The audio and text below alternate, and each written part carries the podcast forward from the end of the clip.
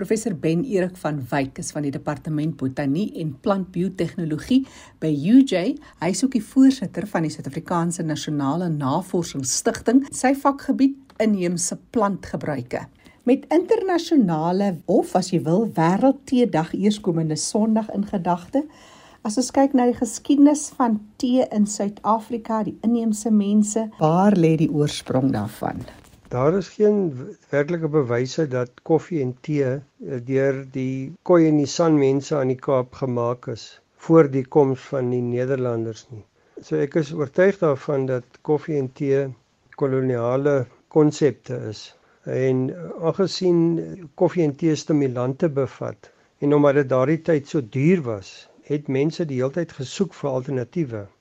Daar's 'n groot verskeidenheid van tees, inheemse plante wat oorspronklik gekou is, geëet is as medisyne en as voedselprodukte wat dan hulle weggevind het vir eksperimentering om tee te maak.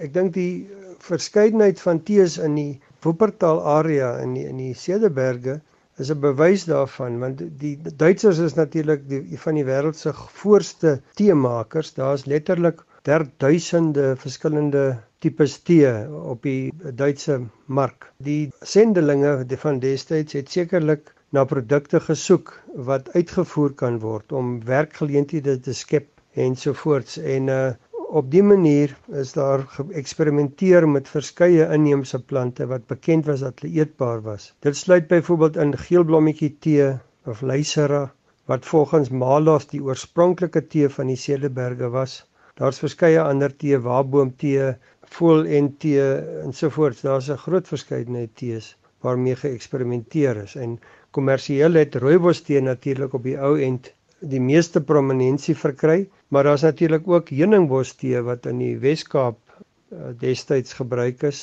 en gemaak is en wat tans ook besig is om 'n groot oplewing te kry. So daar's meer en meer plantasies van heuningbos tee lekker soet smaak het. So die geskiedenis van tee is baie interessant want ek dink die hele idee van tee maak is eintlik meer 'n Europese en Asiatiese konsep en nie eintlik 'n Afrika konsep nie. In Afrika is koffie wel gemaak in die noorde, in die noordoostelike deel, Ethiopië en Sudan en later Arabië, maar tee nie eintlik nie. Die Bantu sprekende nasies het die koksies gemaak, plante in 'n pot gekook die sogenaamde imbiza, die kookpot en hulle het dit dan gedrink en dit was nou ekstrakte van mengsels van plante wat vir medisyne gebruik is.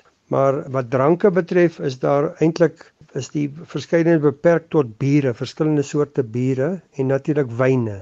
Ons dink aan vrugte wat gefermenteer word soos marula of uh, die sap van palmbome uh, wat natuurlik tegnies dan uh, eerder wyn as wyn beskryf kan word as bier en dan het 'n mens natuurlik ook bier wat gemaak is van gemoute graan, verskillende gemoute graansoorte. En in die Wes-Kaap is die standaard drankie, alkoholiese drankie was curry, curry, uh, heuningbier wat gemaak is van heuning, uh, so gefermenteerde heuning. So dit is die drankies wat gebruik is. Water is gedrink en heuningbier is gedrink, maar daar's geen vroeë rekords van tee of koffie voor die koloniale era nie. Professor Ben Erik van Wyk, Departement Plantkunde en Plantbiotehnologie by UJ. En een van sy studente wat juis verlede week haar doktorale studies voltooi het, gesels nou met ons oor haar studieveld. Dis Dr Natasha Lombard. Natasha, voor jy ons vertel van jou pad met riettee of letjiestee Jy vertel my jou akademiese pad het ook heelwat kronkels gemaak voor jy by plantkunde uitgekom het waar jy vandag voor nie net vir ons vertel van die vergete riettee of letjiestee nie, maar jy vertel ook van jakkalstee en teringbos. Op universiteit het ek eers genetika studeer, maar ek het later rigting verander na ekologie toe. Ehm um, en toe later na dierkunde toe, maar nie een van hierdie vakke het regtig vir my gevoel asof dit die ding is wat ek vir die res van my lewe wil doen nie. En toe eers in my meestersgraad, ehm um, het ek op het ek uiteindelik op plantkunde beland. En ek kan nou daarom met volle vertroue sê dit is waar my ware passie lê. So mense paadjie is nie altyd so reguit soos wat 'n mens dalk sal hoop nie, maar solank 'n mens by die regte plek uitkom. So so 'n paar jaar terug het my kollegas op 'n historiese versameling van tees vir 1933 afgekom wat in die Clan William Museum was. En een van hierdie tees genaamd Rietee kon ons op die ou einde identifiseer as die plant Thymium spicatum wat eintlik baie algemeen oor die hele Kaap voorkom. Ons weet van ander literatuur af dat hierdie selfde plant sedert minstens 1917 in die Cederberg area en tot vandag toe nog spesifiek in Woopertaal gebrou word as 'n tee.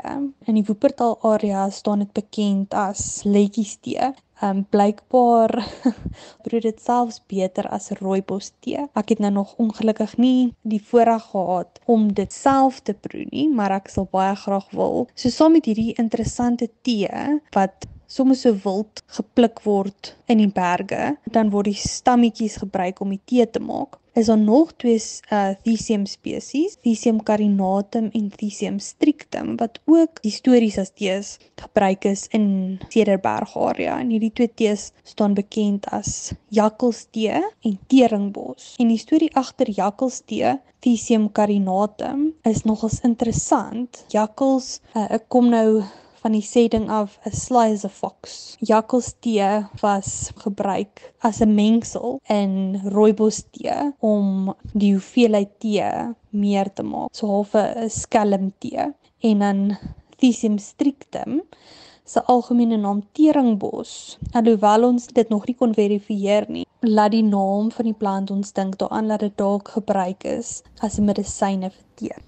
Wat is van die interessanthede in jou navorsingswerk oor tee?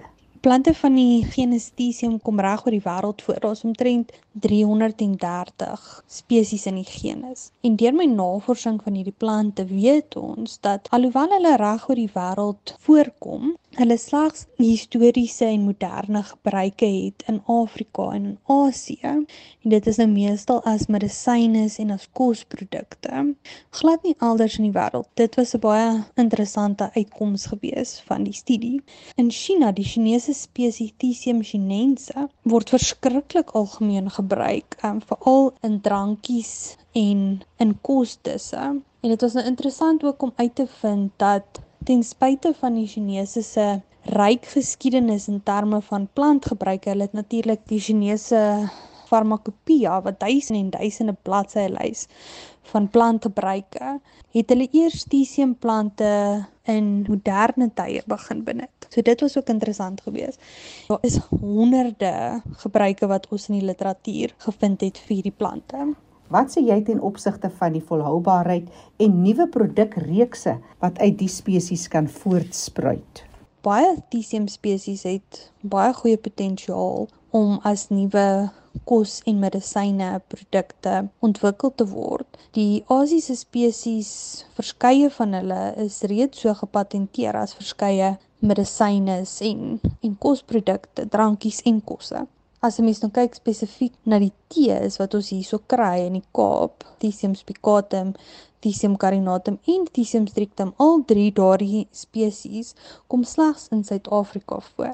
So dit bied ons 'n verskriklike goeie geleentheid vir 'n trots Suid-Afrikaanse produk. Daar's natuurlik baie stappe betrokke daarbey om so 'n nuwe kosproduk of 'n medisyne offisieel geregistreer te kry, maar daar is nietemin baie goeie potensiaal. Dr Natasha Lombard, sy is plantkundige by die Suid-Afrikaanse Nasionale Biodiversiteitsinstituut, SANBI, en sy en professor Ben Erik van Wyk van die departement plantkunde en plantbiotehnologie by UJ. Het vandag bietjie meer vir ons vertel oor die mees populêre drinkding. Dis nou naas water. Ja, ons geliefde koppie koffie kom eers derde op hierdie lys. Sondag op die 21ste Mei is internasionale teedag. Ek is Jackie January. Groete tot 'n volgende keer.